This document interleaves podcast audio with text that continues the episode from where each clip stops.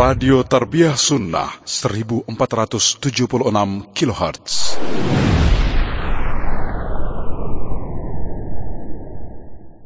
بسم الله الرحمن الرحيم. السلام عليكم ورحمة الله وبركاته.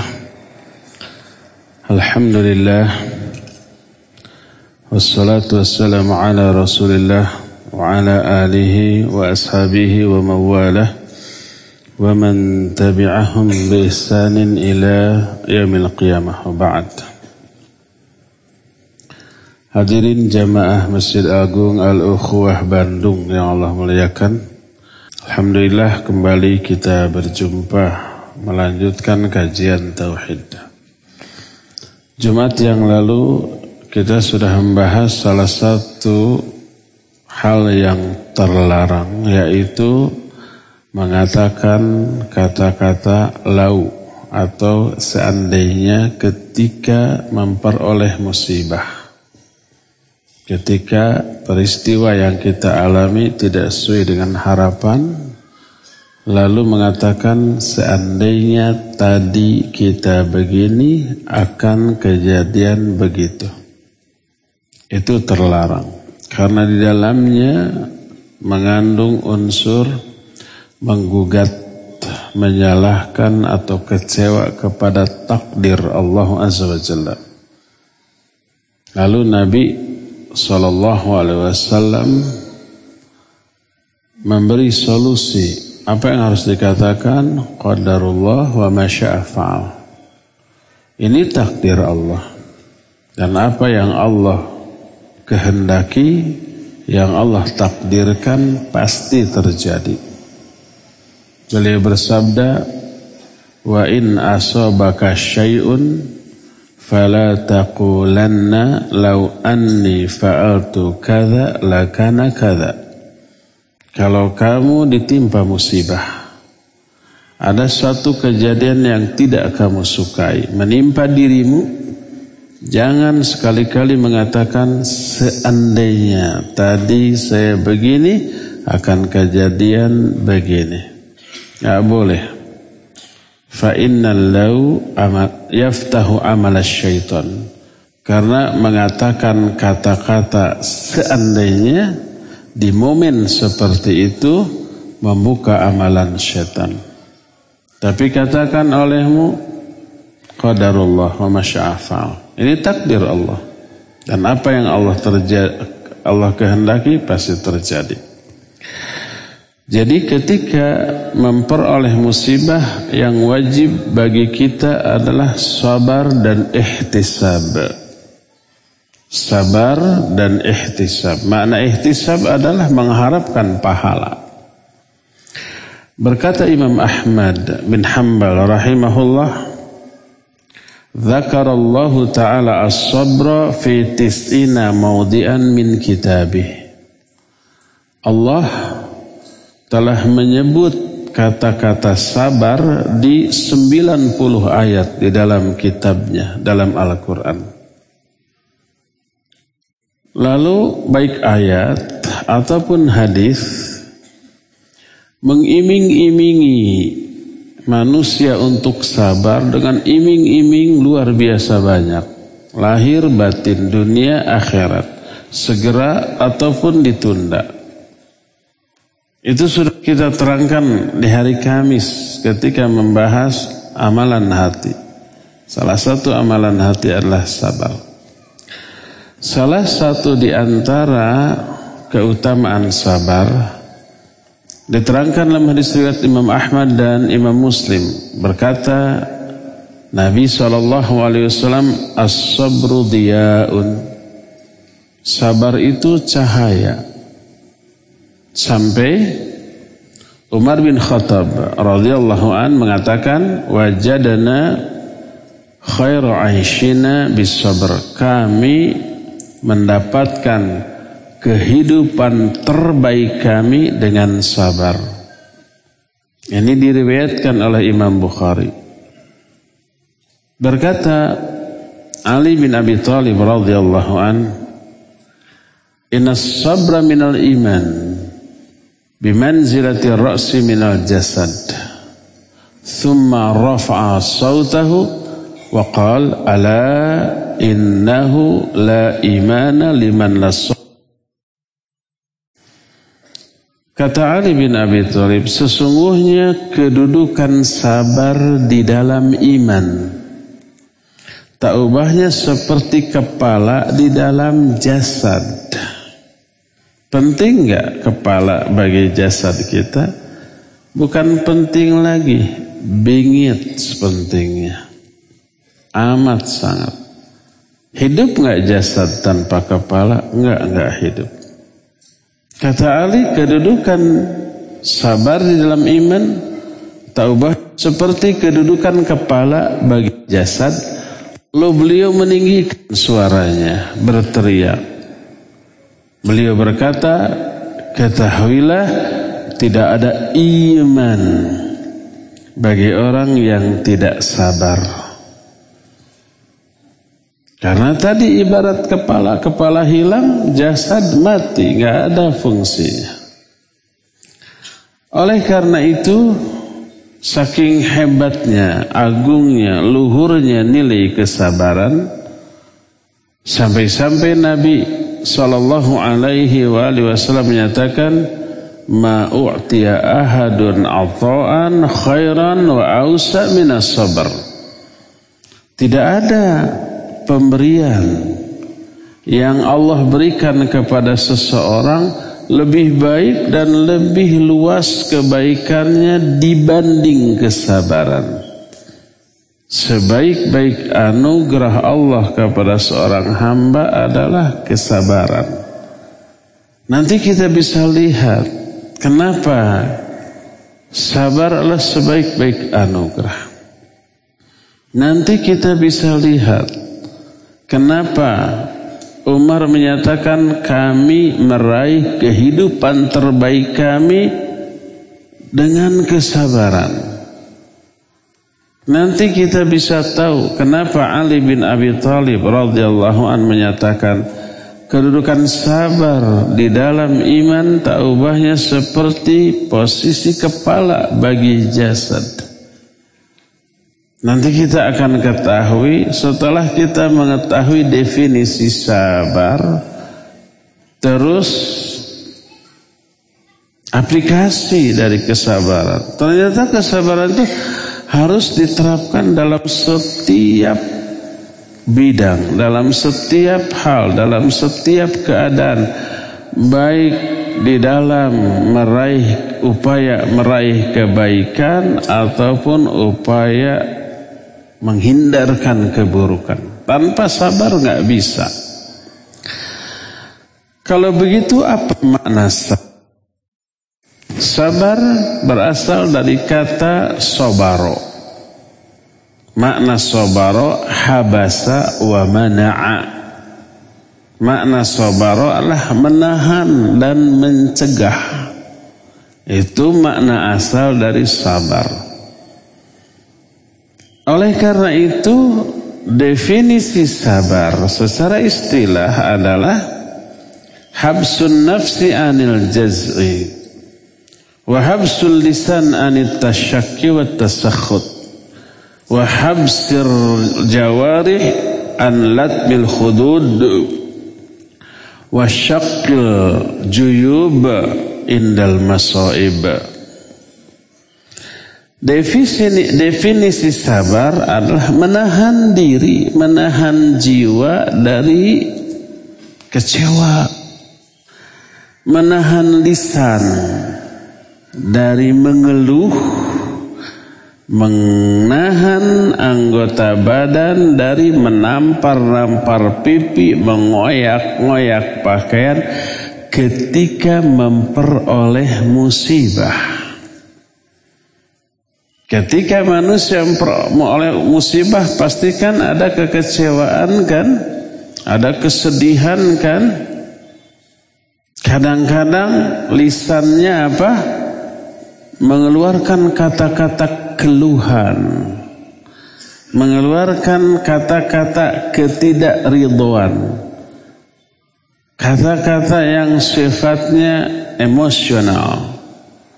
Dan kadang-kadang anggota badan menampar-nampar pipi sendiri, menjambak-jambak rambut sendiri, mengoyak-ngoyak pakaian sendiri, tembok ditonjokin, gogoleran, lolongseran gitu kan? Itu ungkapan kekecewaan ketika memperoleh musibah dan itu biasanya dilakukan di awal menerima musibah. Tahan hati kita dari hal itu, tahan lisan kita dari keluhan atau mengungkapkan ungkapan-ungkapan buruk atau tahan juga anggota badan kita dari bertindak yang secara syar'i ketika menerima musibah. Itu sabar dan itu harus dilakukan ketika awal memperoleh musibah. Kalau awalnya guling-guling teriak-teriak histeris meratap seminggu kemudian lalu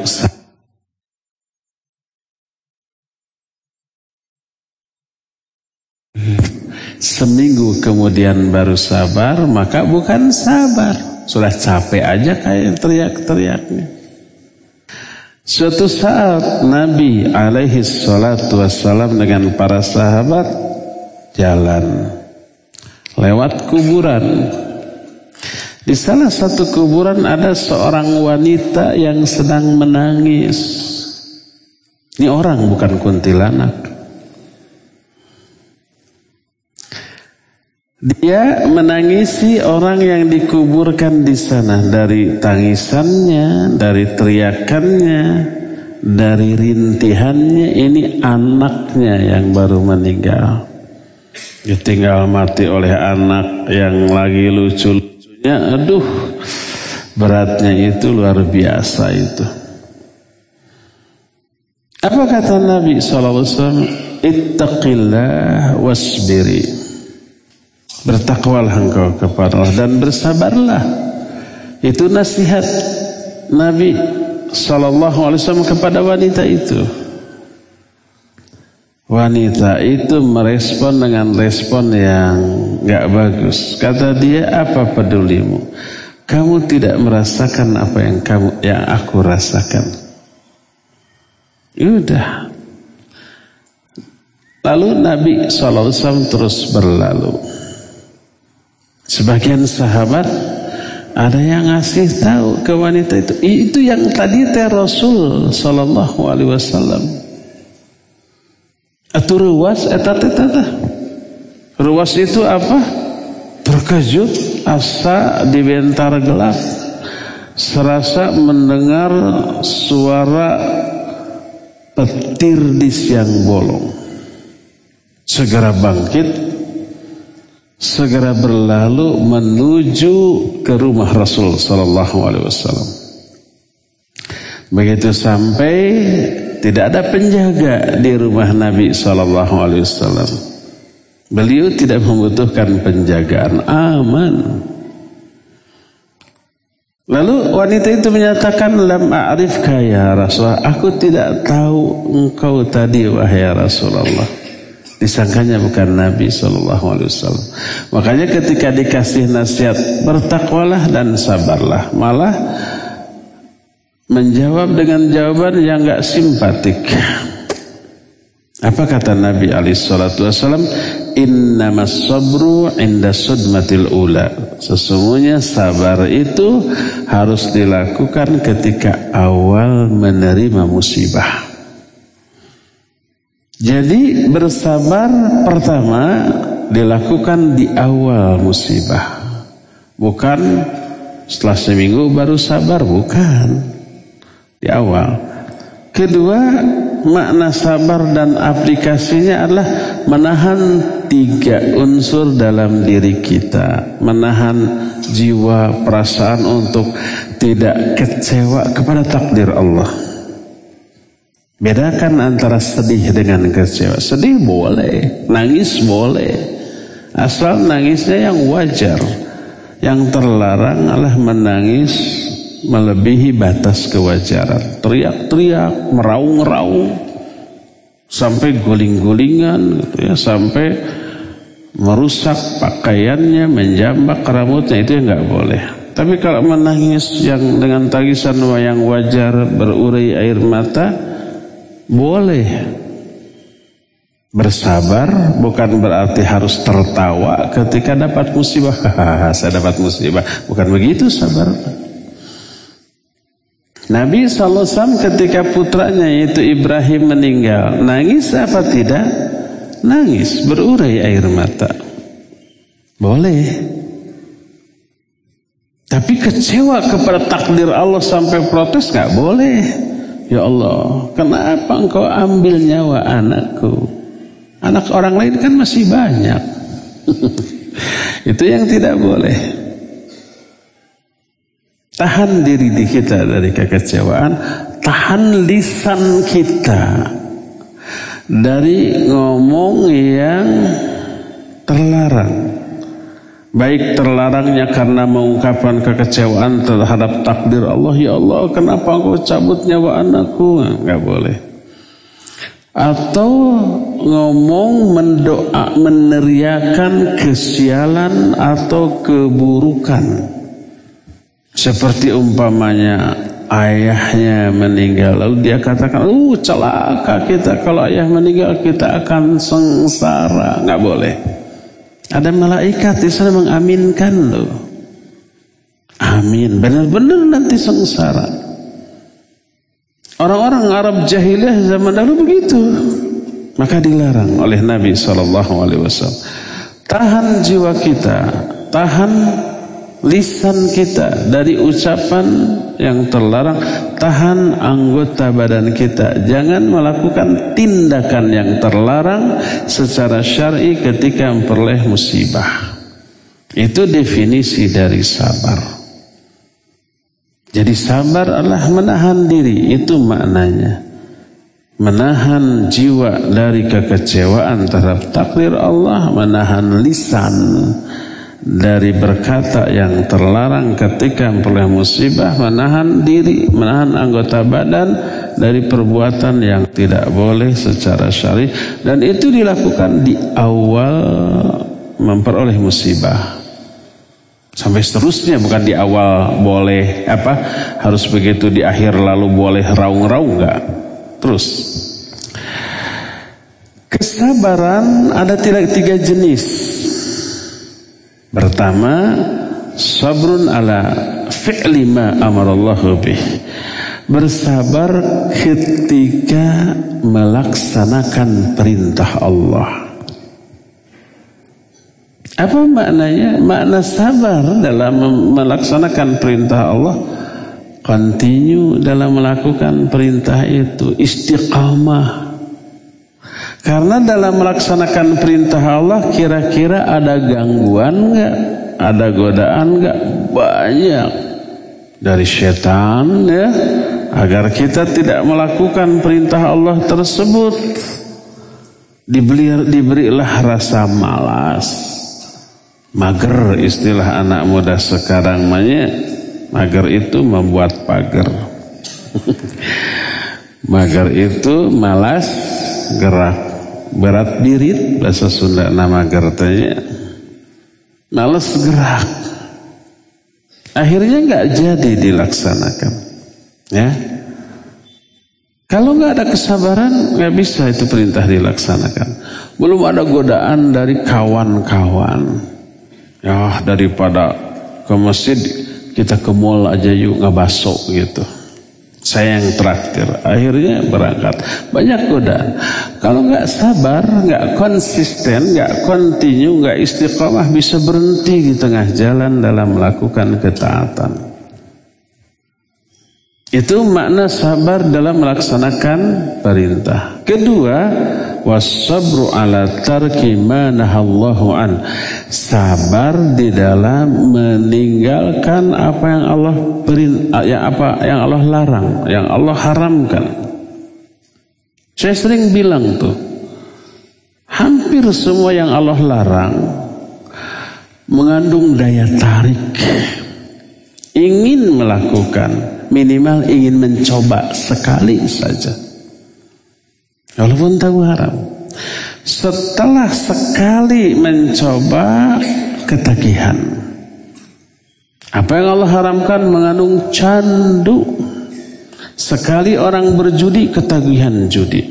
Sekali orang mabuk, ketagihan mabuk. Sekali orang berzina, ketagihan berzina. Sekali orang ngerokok terus sampai ke narkoba. Jadi begitu sekali mencoba ada unsur candu di dalam. Ingin lagi, ingin lagi, ingin lagi. Walaupun bayar, mabuk kan bayar ya, mahal lagi. Lebih murah kopi 2000 Bisa gratis malah. Sauyup poema Kalau mabuk kan ratusan ribu Ada yang jutaan. Konon, konon ya Bukan pengalaman Katanya rasanya juga nggak enak ya Jauh lebih enak kopi atau Jadi Walaupun mahal Walaupun bayar tapi untuk itu mah jual apa saja yang punya dijual. Sampai akhirnya mencuri, merampok dan yang sejenisnya. Judi butuh uang, zina butuh uang, gede. Kalau nggak salah 80 jutanya. Itu ada saja peminatnya nggak tahu tuh ya. Jadi Walaupun mahal, orang tuh ingin mencoba, punya daya tarik. Dan sekali mencoba ketagihan. Tanpa kesabaran, susah menghindari apa yang Allah haramkan. Apalagi pernah lalu berhenti gitu, hijrah istilahnya. Berhenti dari mabuk, berhenti dari zina, berhenti dari judi, berhenti dari ngerokok, berhenti dari narkoba gitu. Berhenti. Nah godaan teh banyak ya. Berhenti tapi tidak meninggalkan lingkungan dan kawan-kawan bergaulnya dulu. Ah, mudah lagi kembali ke asal. Jadi tanpa sabar nggak bisa kita meninggalkan apa yang Allah larang.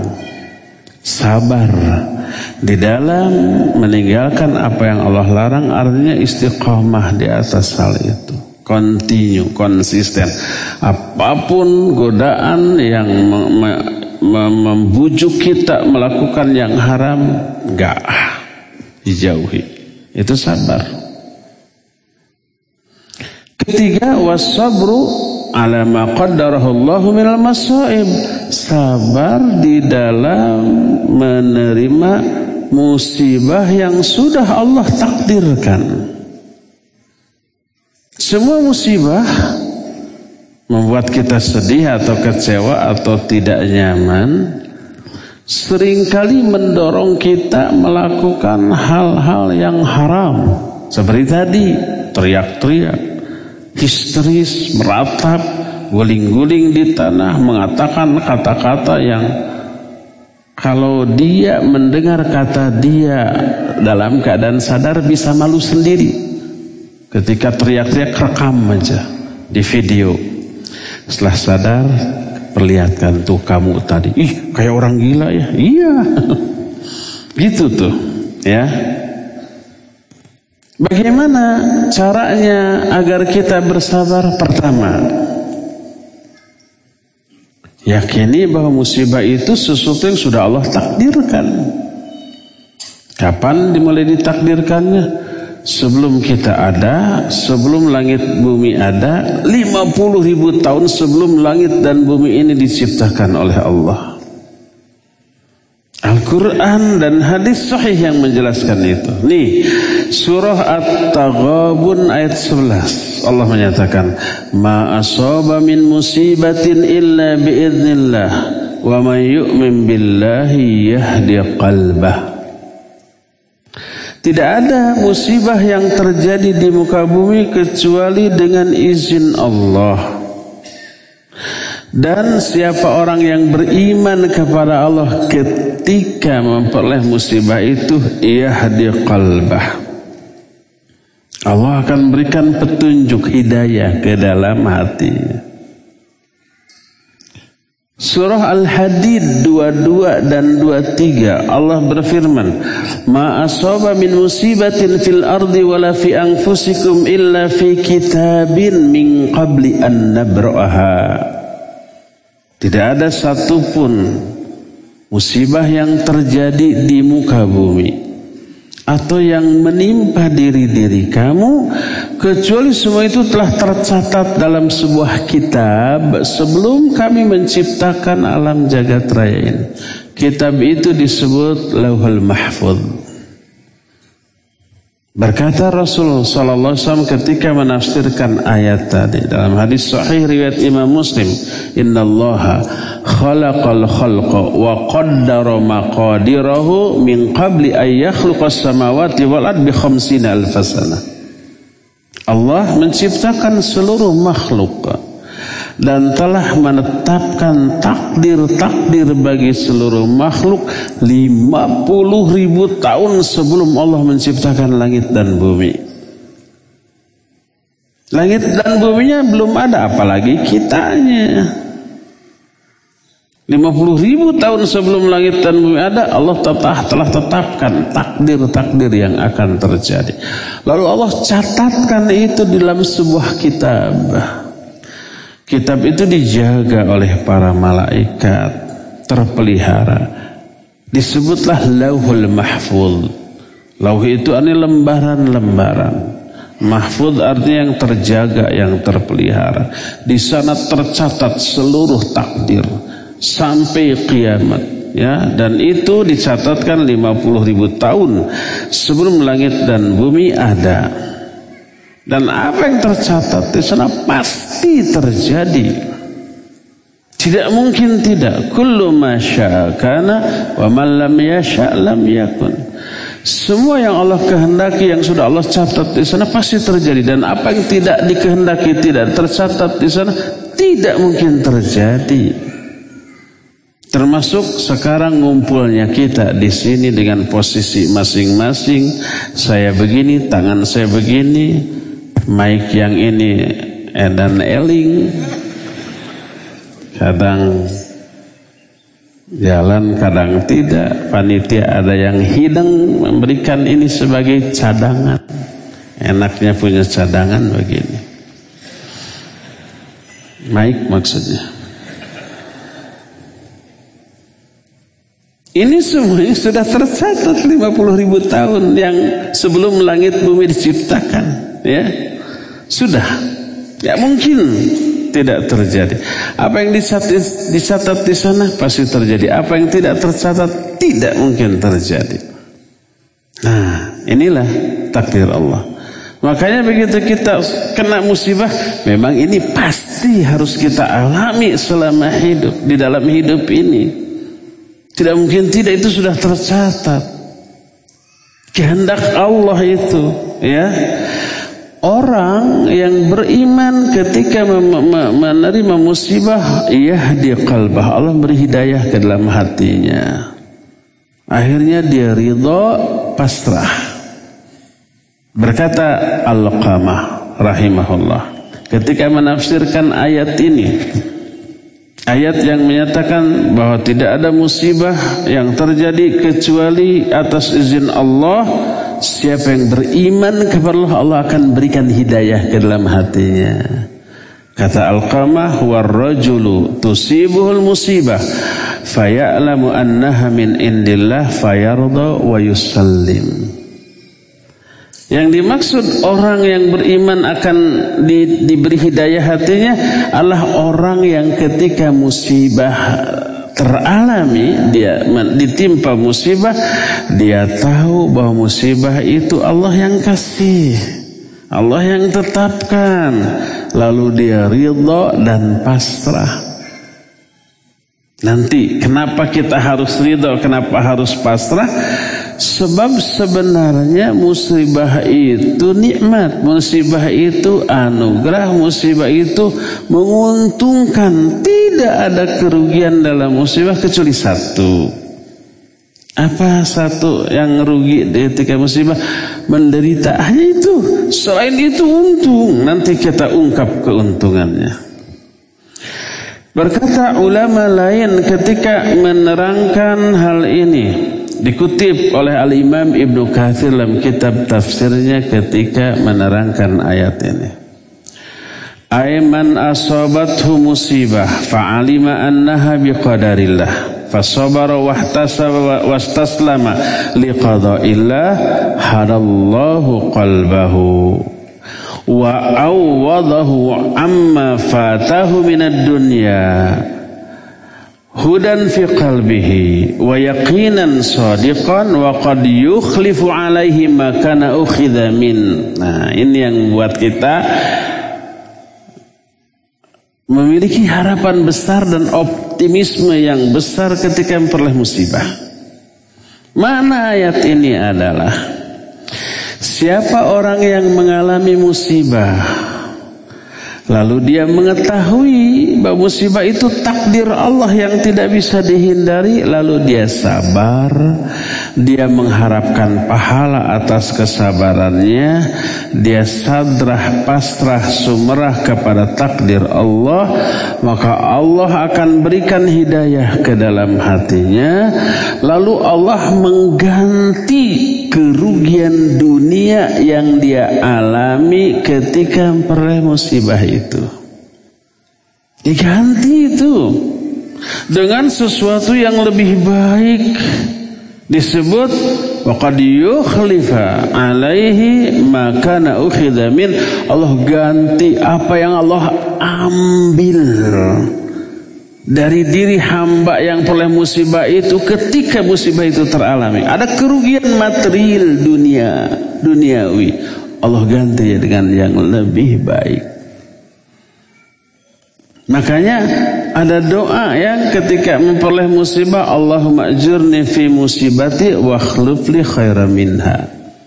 Ya Allah beri saya pahala dalam musibah ini dan beri saya ganti dengan yang lebih baik. Ketika Nabi saw mengatakan hal itu, Ummu Salamah radhiyallahu anha yang saat itu belum menjadi istri Nabi. Saat itu dia masih menjadi istri bagi suaminya. Yang pertama, siapa suami pertama dari Ummu Salamah? Abu Salamah. Ummu Salamah kan ibunya Salamah, punya anak namanya Salamah. Ayahnya Salamah siapa? Abu Salamah. Seorang muslim yang soleh. Aduh kisah penderitaan Abu Salamah dan Ummu Salamah ketika masuk Islam terus ketika hijrah itu mendengar atau membacanya aja kita nggak kuat menahan air mata loh ya. Terpisah sekitar setahun. Eh, apa namanya Abu Salamah lebih dahulu Ummu Salamah tidak salamahnya pas mau ketika mau hijrah diperbutkan oleh orang tuanya oleh kakek pebenyeng-benyeng sampai patah tangannya tuh Pak Benyeng-penyeng itu artinya Pak bedol-bedol. Pak apa? Saling tarik sampai patah tangannya. Salamahnya. Tapi akhirnya Allah mempertemukan kembali di Madinah. Rumah tangga yang bahagia. Ketika Abu Salamah meninggal, sedihnya buat luar biasa. Terus mendengar Nabi SAW bersabda begitu. Siapa yang terkena musibah lalu berdoa, ya Allah beri pahala saya dalam musibah dan berikan ganti kepada saya yang lebih baik. Dia yakin itu makbul, tapi dia mikir emang siapa sahabat yang lebih baik dari Abu Salamah? Enggak ada tuh, enggak kepikiran. Setelah habis masa idah, Torojol datang seorang sahabat utusan Nabi Shallallahu Alaihi Wasallam melamar Ummu Salamah untuk Nabi Shallallahu Alaihi Wasallam. Ini ternyata yang lebih baik tehnya. Makanya para akhwat kalau ditinggal mati oleh suami atau dicerai, musibah atau bukan? Iya musibah. Jangan risau, jangan galau, jangan resah, jangan gelisah. Jangan bingung, Jangan linglung doa ini. Ya Allah beri saya pahala dalam musibah dan beri yang lebih baik nanti. Ya. Habis masa idah datang atau ikhwan. Kasep ganteng, benghar, berilmu, anak tunggal. Melamar. Amin gitu akhwat. Tapi ini jangan dijadikan dalil untuk akhwat yang punya suami yang kurang memuaskan dalam segala hal. Ya Allah wafatkan suami saya. Nanti saya doa lalu ganti dengan yang lebih baik. Jangan daripada berdoa wafatkan suami saya lebih baik berdoa solehkan suami saya yang ada sekarang ya. Kalau itu dikabulkan jadi soleh jadi bagus. Berkata Said bin Jubair Wa man yu'min billahi yahdi qalbah yani yastarji wa yaqul inna lillahi wa inna ilaihi rajiun. Maksud siapa yang beriman kepada Allah dia akan diberikan hidayah ke dalam hatinya. Ketika memperoleh musibah maknanya orang itu istirja dengan mengatakan apa? Inna lillahi wa inna ilaihi rajun. Ini orang sabar.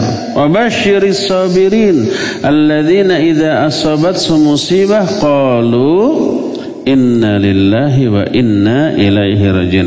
Ulaika alaihim salawatu min rabbihim wa rahmah wa ulaika humul muhtadun. Beri kabar gembira kepada orang yang sabar. Yaitu orang yang ketika memperoleh musibah dia mengatakan Inna lillahi wa inna ilaihi rajin. Sungguhnya kami semua kepunyaan Allah dan hanya kepada Allah semua kami akan kembali. Ulaika alaihim salawatu min rabbihim wa Mereka lah orang-orang yang akan memperoleh salawat dari Allah dan juga rahmat. Allah ngasih salawat kepada dia tuh makna salawat Allah puji dia di hadapan para malaikat yang ada di sekelilingnya. Berkata Abu Aliyah rahimahullah salatullahi ala abdi thana'uhu alaihi indal malaikah Salawat Allah kepada seorang hamba maknanya pujian sanjungan Allah kepada hamba itu di hadapan para malaikat yang ada di sekelilingnya yang akan dapat salawat salah satunya orang yang sabar ketika memperoleh musibah. Warahmah juga akan kasih rahmat. Wa ulaika humul muhtadun dan mereka lah orang-orang yang akan memperoleh hidayah.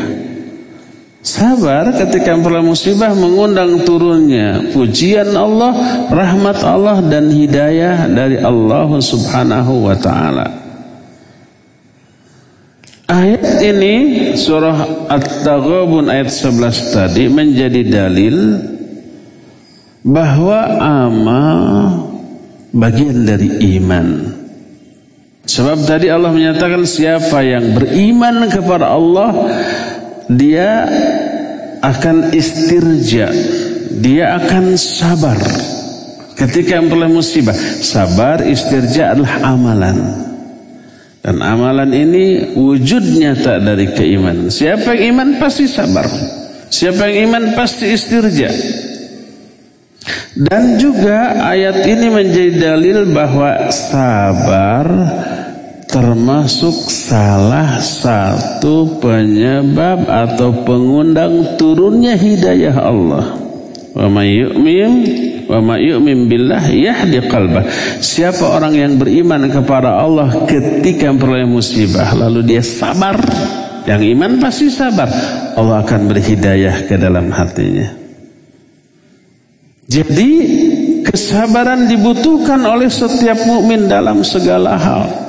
Seperti tadi, ketika melaksanakan perintah Allah butuh kesabaran. Ketika meninggalkan larangan Allah butuh kesabaran. Ada momen-momen di mana kesabaran diwajibkan secara khusus oleh Allah dan disebut di dalam Al-Qur'an. Karena beresiko tinggi, berat, resikonya tinggi. Apa saja? Kalau nggak ada kesabaran bisa berhenti di tengah jalan. Bisa banting setir kepada amalan lain.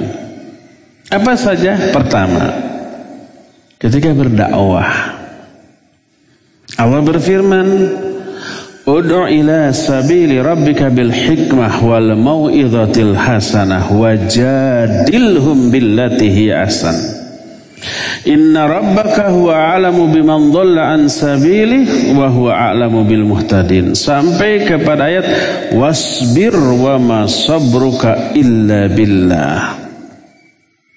Ini Al-Quran surah An-Nahl mulai 125 sampai 127. Allah berfirman, Serulah manusia, ajaklah manusia, dakwahilah manusia ke jalan Allah dengan hikmah Hikmah yang dimaksud di sini ilmu. Agar benar.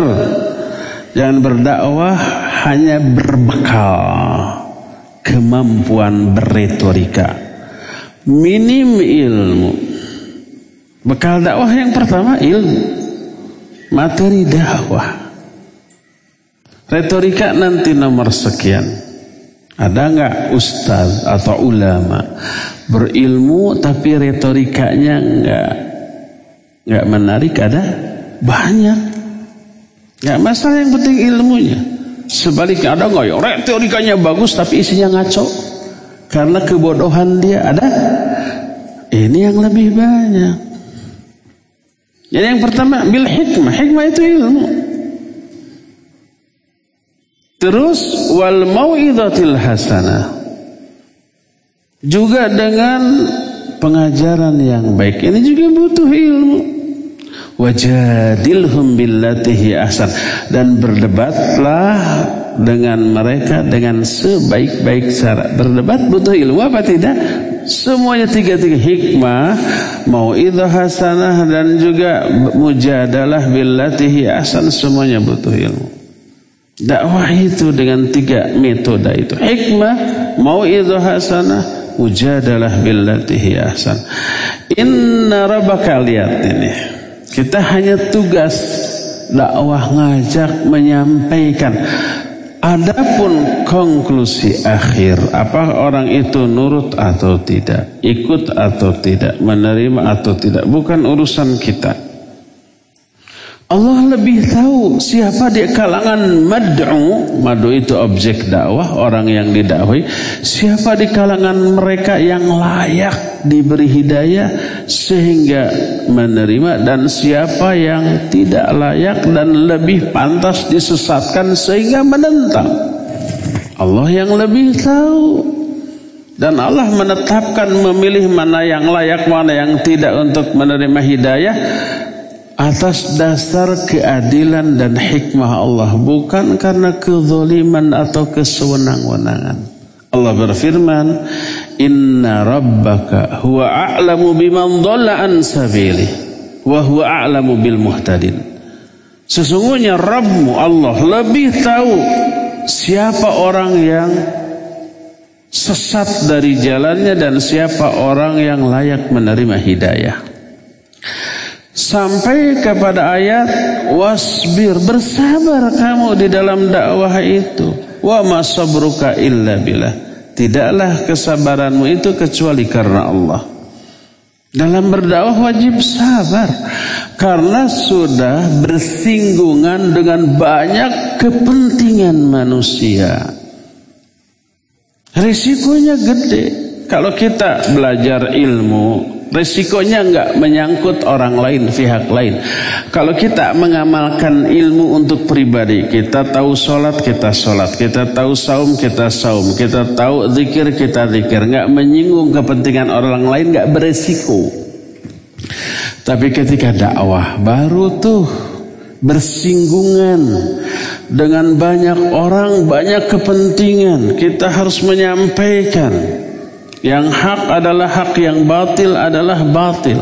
Kita harus menyampaikan haramnya apa yang Allah larang, haramnya mabuk, haramnya judi, haramnya zina, haramnya menyebar hoax, haramnya mengumbar aurat, haramnya menipu, haramnya mengobrol janji gombal gitu ya dan seterusnya.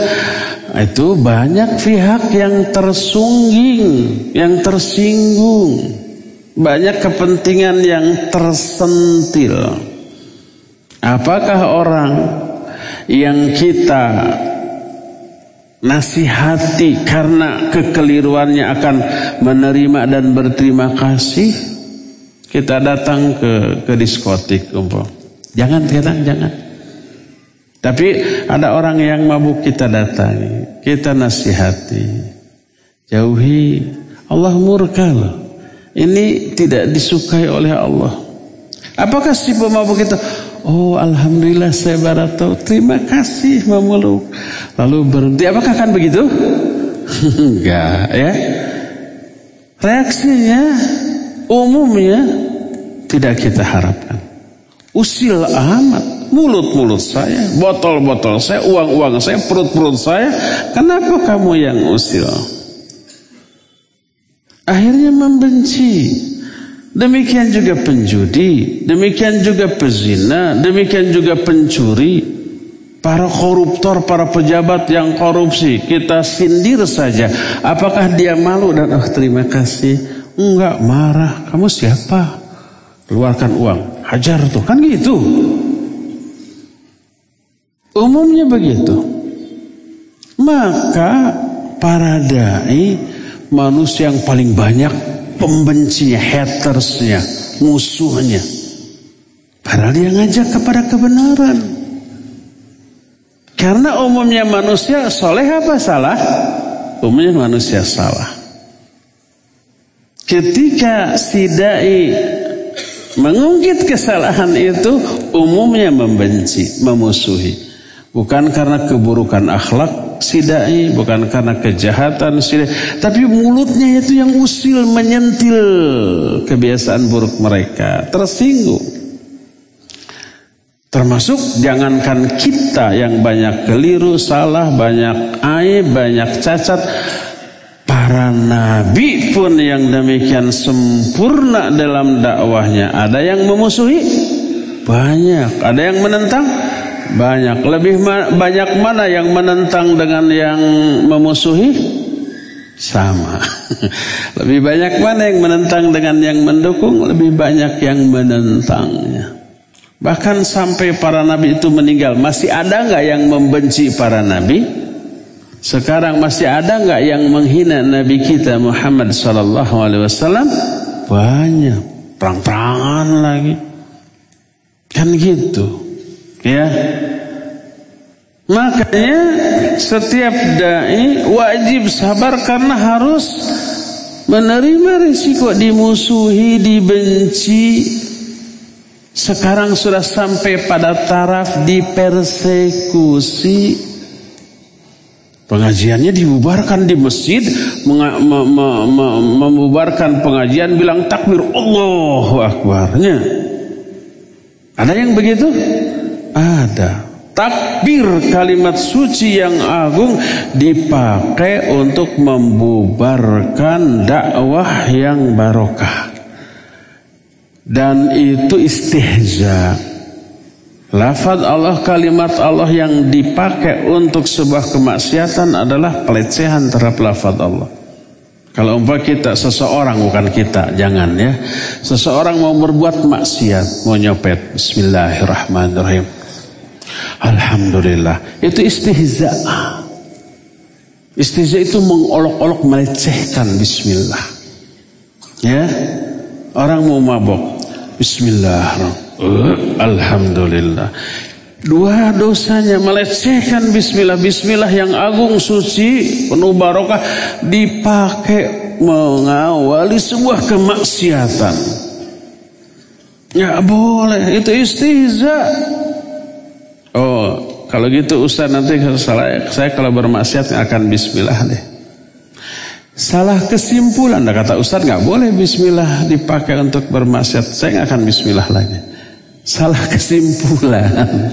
Kesimpulan hentikan maksiatnya, gitu ya. Hentikan maksiatnya. Berdasarkan hal itulah maka Allah suruh dakwah beresiko Wasbir wa masabruka illa billah. Sabar kamu ketika dakwah. Ini momen pertama yang sangat-sangat membutuhkan kesabaran, ya. Ada enggak yang mencela di media sosial karena dakwah yang dilakukan banyak. Disebut ini, disebut itu dan seterusnya. Seorang dai yang dibegitukan dengan harapan dai itu stres bagi orang yang menekannya, menghinanya, terus berhenti banting setir gitu, pensiun dari dakwahnya, maka persepsi mereka keliru. Dai yang karena dakwanya dihina, dicaci dan dimaki, uh senangnya bukan main. Wallahi itu menguntungkan dan tidak merugikan sedikit pun. Tidak ada kerugian dengan dicaci, dihina, ditentang karena dakwahnya. Senyum saja. Pertama, benar ya firman Allah. Allah berfirman di dalam banyak ayat di antaranya. Allah menyatakan, "Wa kadzalika ja'alna likulli nabiyyin aduwan syayatinal insi wal jin." Demikianlah kami jadikan bagi setiap nabi musuh-musuh dari kalangan setan bangsa jin dan setan bangsa manusia. Di mana ada nabi, di sana ada penentangnya. Di mana ada penerus nabi, di sana ada penentang-penentangnya. Para dai, penerus para nabi itu pasti banyak penentangnya. Betul. Dan itu yang menambah agung nilai dari sebuah dakwah. Tantangannya semakin hebat, berat tantangan, semakin agung nilai dakwahnya. Apa pun yang kita raih dengan perjuangan dan pengorbanan yang berat, nilainya pasti agung. Walaupun sedikit. Saya sering contohkan, main bola, gol itu nggak sampai 23, 21 gitu ya Paling 1-0, 2-0. Sekali ngegolkan, itu kan sampai kayak orang gila selebrasinya ya. Ada yang joget-joget, ada yang salto, jungkel jumpalik, ada yang kayak berenang gitu. Kalau itu dilakukan dalam keadaan normal, gila tuh orang. Tapi dianggap normal wajar. Karena apa? Nilai satu gol itu begitu mahal. Karena apa? Sulit ya enggak? Ketika kita membawa bola dicegat, dioper, di, di, di tackle, di sabet kakinya dan seterusnya. Uh. Jadi begitu satu gol kena, waduh senangnya bukan main. Bernilai tinggi itu. Si pencetak gol dikasih bonus enggak? Saya nggak tahu. Mungkin dikasih bonus ya.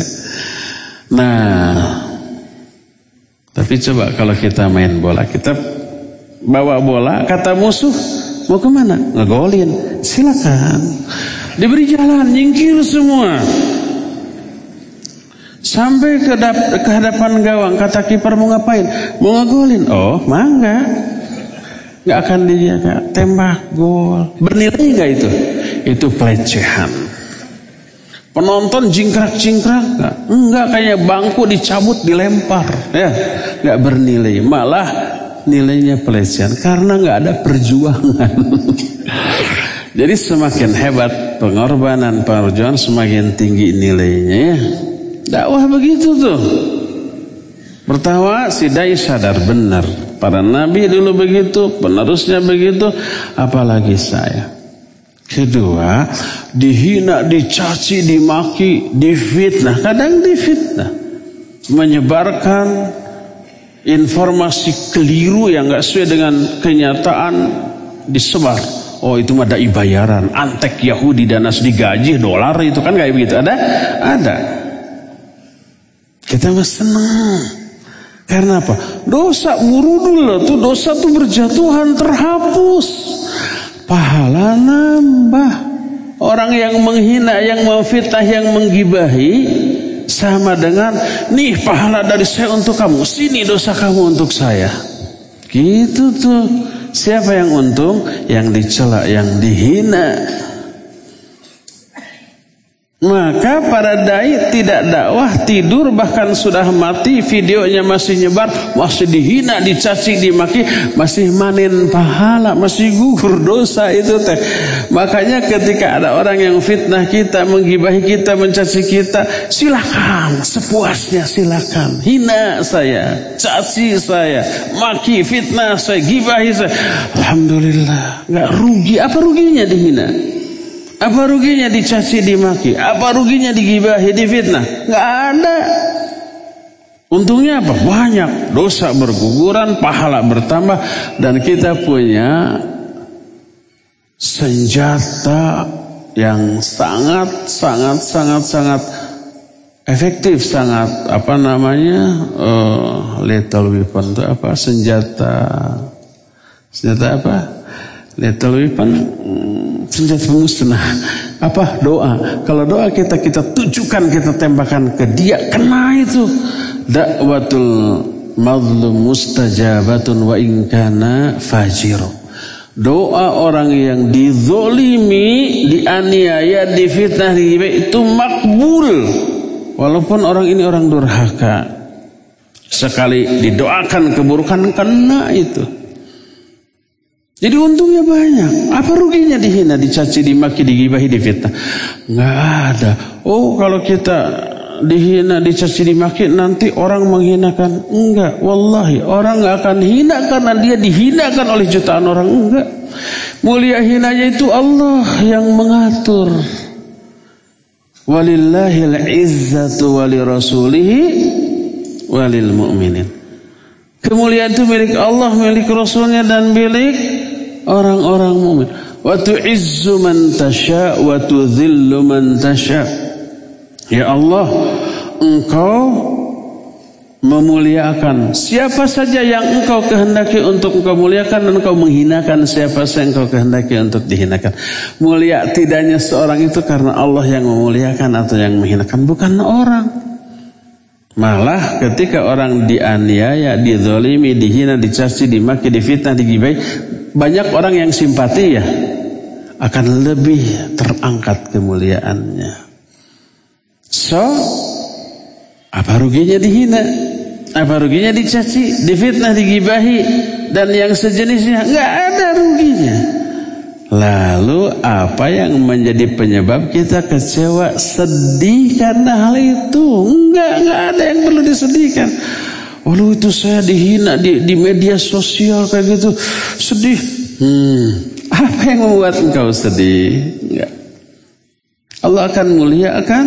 Allah tambah pahala. Allah kurangi dosa. Allah kasih doa mustajab. Allah angkat kemuliaannya dunia dan akhirat. Ya.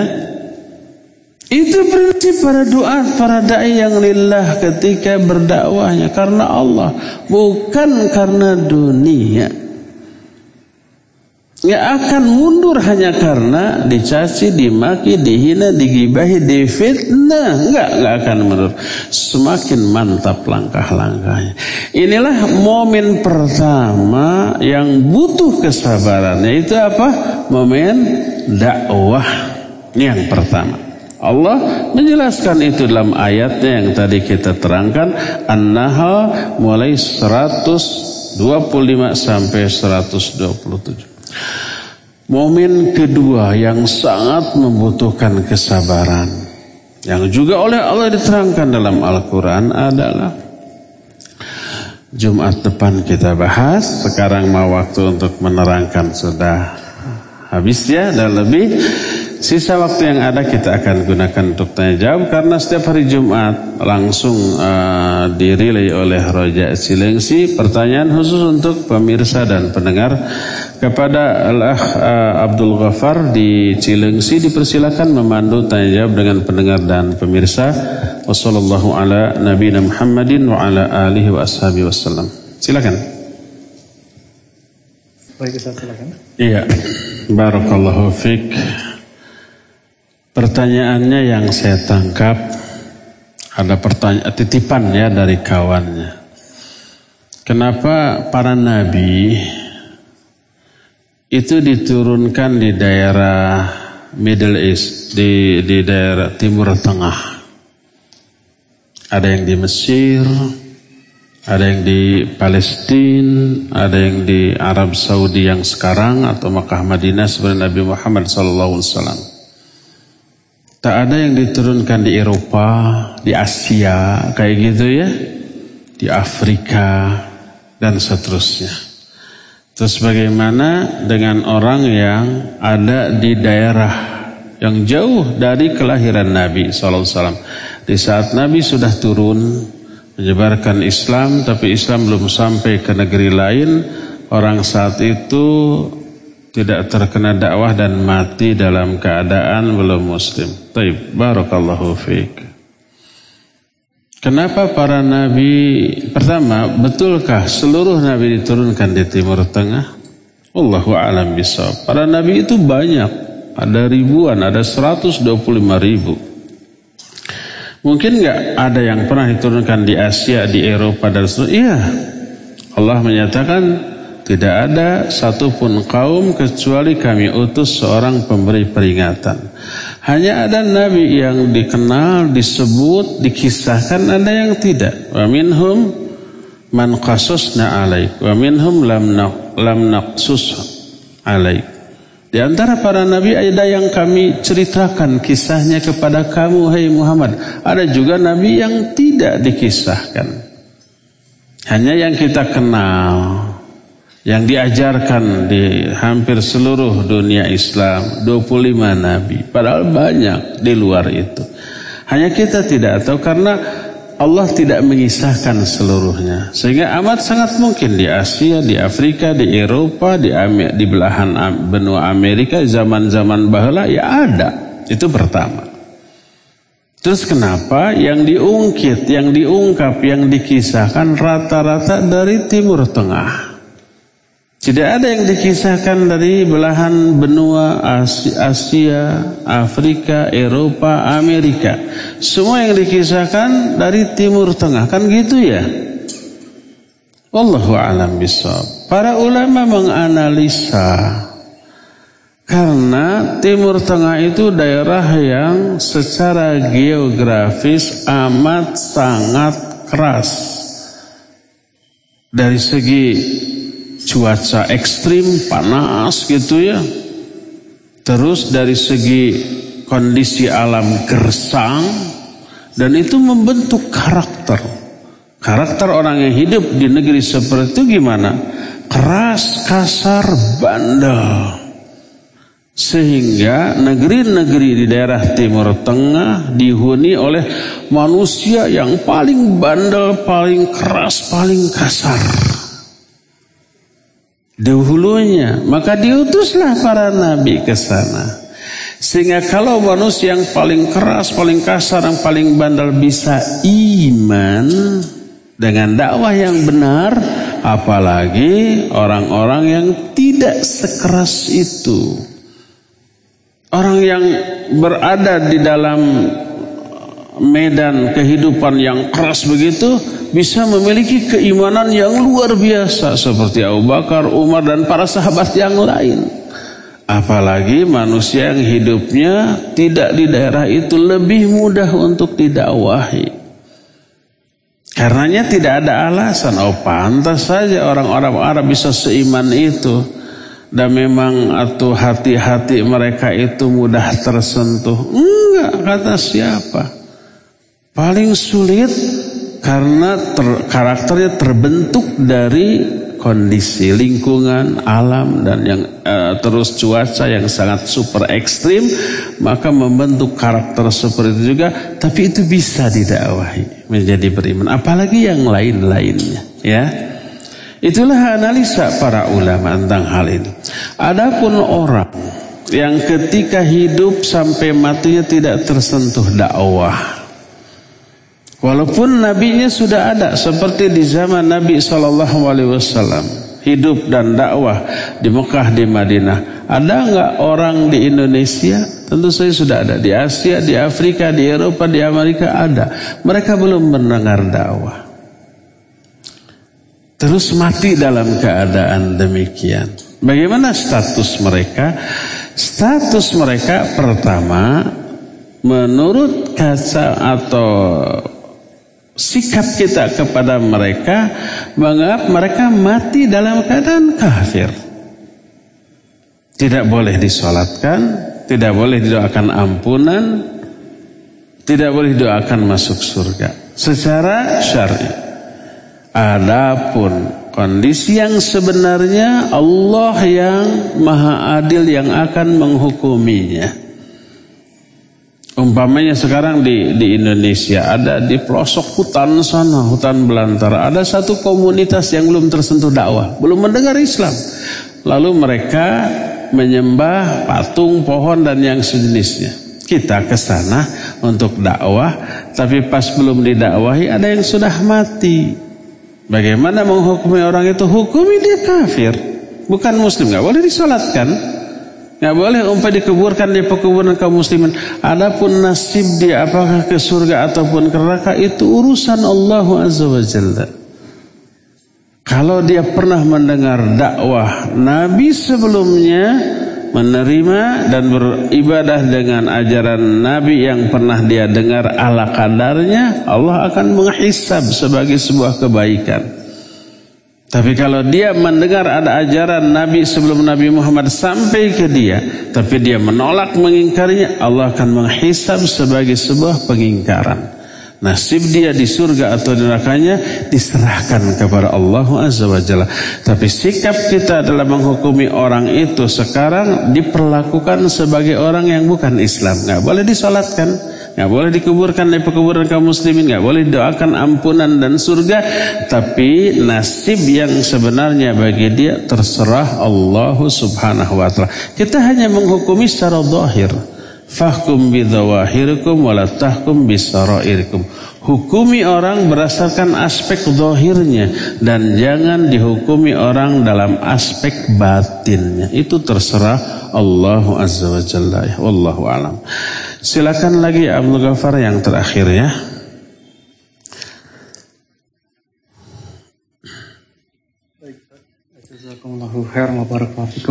Atas jawabannya telah disampaikan berikutnya e, pertanyaan dari pesan singkat dari Papua Barat Ibu Tutik bertanya Ustadz bagaimana jika ada orang yang hobinya membuat masalah dengan tetangganya sehingga tetangga lainnya menjadi membicarakan ulahnya.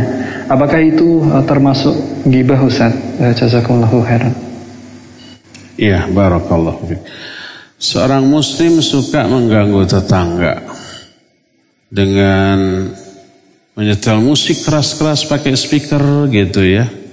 Atau umpamanya dengan nyapu dari halamannya, sampahnya diarahkan ke halaman tetangga atau dengan gangguan-gangguan lain.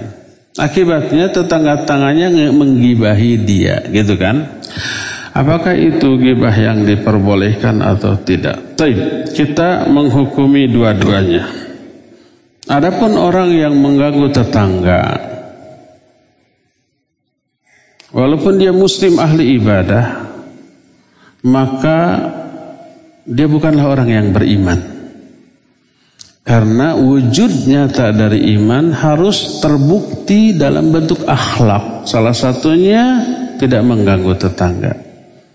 Nabi SAW bersabda, "Mangkana yu'minu billahi wal yawmil akhir falyukrim jarahu." Siapa orang yang beriman kepada Allah dan hari akhir hendaklah memuliakan tetangga, tidak mengganggu tetangga. Iman kepada Allah dan hari akhir, akidah, tauhid wajib diaplikasikan dalam bentuk kemuliaan akhlak kepada tetangga. Makanya suatu saat Nabi bersabda, Wallahi la yu'minu, Wallahi la yu'minu, Wallahi la yu'minu. Demi Allah tidak beriman, demi Allah tidak beriman, demi Allah tidak beriman. Tiga kali ia diawali oleh sumpah, ia diulang tiga kali. Para sahabat nanya, "Man ya Rasul? Siapa yang tidak beriman itu?" Beliau menjawab, "Man la ya'manu jaruhu bawa'iqahu." Orang yang tetangganya tidak aman dari gangguannya. Orang yang suka mengganggu tetangga. Demi Allah dia tidak beriman. Karena iman itu harus teraplikasi dalam bentuk akhlak. Siapa yang beriman kepada Allah dan hari akhir hendaklah bicara baik atau diam. Hendaklah memuliakan tamu, hendaklah memuliakan tetangga. Bicara baik atau diam, sikap kepada tamu dan tetangga itu akhlak dan itu perwujudan nyata dari iman kepada Allah dan hari akhir. Akidah harus terwujud dalam bentuk akhlak. Ketika akhlak buruk menunjukkan imannya buruk. Nabi menyatakan demi Allah tidak beriman demi Allah tidak beriman demi Allah tidak beriman. Siapa yang suka ganggu tetangga? La tadkhulul jannah hatta tu'minu wa la tu'minu hatta tahabu. Kalian tidak bisa masuk surga sebelum beriman. Kalian tidak dikatakan beriman sebelum saling mencintai dengan sesama muslim sama kalian. Kalau mengganggu itu indikasi tidak adanya iman, ya. Ini pertama bagi si orang yang mengganggu tetangganya. Kedua, boleh enggak digibahi? Tetap tidak boleh, haram. Walaupun dia jahat ya. Walaupun dia mengganggu Yang harus kita lakukan adalah menasihatinya Mengingatkannya. Kalau umpamanya dinasihati sudah Malah menjadi-jadi Yang tanya volumenya cuma 5 Sekarang vol 10 Menjadi-jadi gimana? Nah, kita kan ada hukum, ada aturan. Lapor ke RT ya. Biar RT sebagai ketua uh, rukun tetangga men, me, me, apa, me, menghakimi. RT nggak sanggup ke RW, RW nggak sanggup ke lurah atau ke kades, nggak sanggup laporkan polisi. Ada nggak pasalnya? Saya pikir pasti ada lah ya, saya nggak paham hukum. Tapi ada pasalnya ketika orang mengganggu tetangganya diingatkan sudah diberi apa nasihat jangan sudah tapi keke saya pikir bisa diadukan secara hukum. Kalau di negeri kafir, di Eropa gitu, ya itu jangankan nyetel musik keras. Kita malam-malam nancepin paku, jedak, jedak, jedak, tetangga sebelahnya terganggu, dia bisa lapor polisi, dah situ ya. Atau kita masak sambal Aroma sambal ke mana-mana sampai tetangganya pada bersin. Suka gitu kan? Tetangganya terganggu. Langsung telepon polisi. Datang itu. Ya, ditegur kalau bisa ditegur. Kalau enggak bisa didenda atau dipidana. Saya pikir di kita adalah pasalnya. Hanya belum saja diberlakukan karena biasanya kalau ada pengaduan seperti itu, udahlah kekeluargaan saja. Biasanya begitu tuh, tidak tegas. Itu yang membuat orang jadi malas lapor. Mungkin ada pasalnya ya.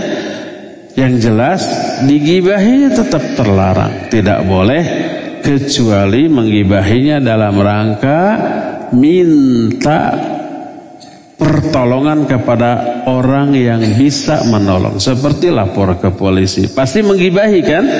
Pasti atau lapor ke RT RW setempat itu tangga suka mengganggu begini itu gibah. Tapi dalam rangka memberi laporan kepada orang yang bisa menengahi boleh.